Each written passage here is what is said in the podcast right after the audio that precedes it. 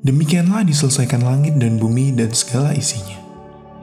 Ketika Allah pada hari ketujuh telah menyelesaikan pekerjaan yang dibuatnya itu, berhentilah ia pada hari ketujuh dari segala pekerjaan yang telah dibuatnya itu. Lalu Allah memberkati hari ketujuh itu dan menguduskannya. Karena pada hari itulah ia berhenti dari segala pekerjaan penciptaan yang telah dibuatnya itu. Demikianlah riwayat langit dan bumi pada waktu diciptakan, ketika Tuhan Allah menjadikan bumi dan langit. Belum ada semak apa pun di bumi, belum timbul tumbuh-tumbuhan apa pun di padang, sebab Tuhan Allah belum menurunkan hujan ke bumi, dan belum ada orang untuk mengusahakan tanah itu. Tetapi ada kabut naik ke atas bumi dan membasahi seluruh permukaan bumi itu. Ketika itulah Tuhan Allah membentuk manusia dari debu tanah dan mengembuskan nafas hidup ke dalam hidungnya. Demikianlah manusia itu menjadi makhluk yang hidup.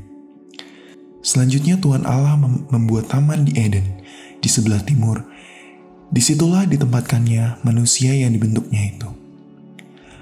Lalu Tuhan Allah menumbuhkan berbagai-bagai pohon dari bumi yang menarik dan yang baik untuk dimakan buahnya. Dan pohon kehidupan di tengah-tengah taman itu serta pohon pengetahuan tentang yang baik dan yang jahat. Ada satu sungai mengalir di Eden untuk membasahi taman itu. Dan dari situ sungai itu terbagi menjadi empat cabang. Yang pertama namanya Pison, yakni yang mengalir mengelilingi seluruh tanah Hawila, tempat emas ada.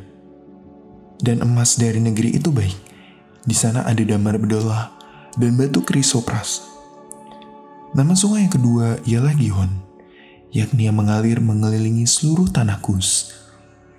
Nama sungai yang ketiga ialah Tigris, yakni yang mengalir di sebelah timur Asyur.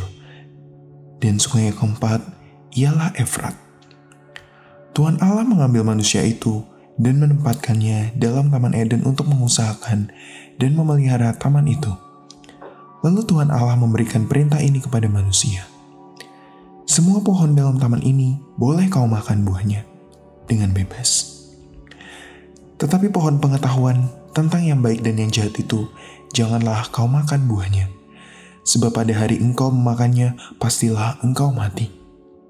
Tuhan Allah berfirman, Tidak baik kalau manusia itu seorang diri saja. Aku akan menjadikan seorang penolong baginya yang sepadan dengan dia.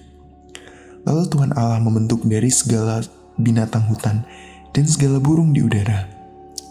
Dibawanyalah semuanya kepada manusia itu untuk melihat bagaimana ia menamainya.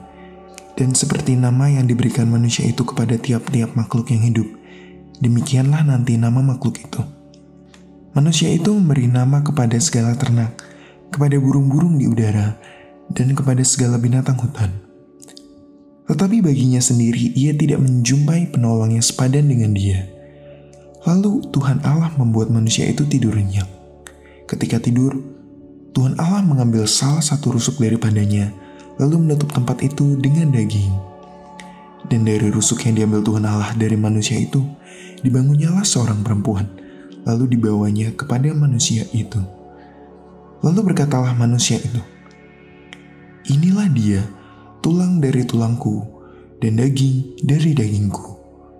Ia akan dinamai perempuan sebab ia diambil dari laki-laki. Sebab itu seorang laki-laki akan meninggalkan ayah dan ibunya dan bersatu dengan istrinya, sehingga keduanya menjadi satu daging. Mereka keduanya telanjang, manusia dan istrinya itu, tetapi mereka tidak merasa malu.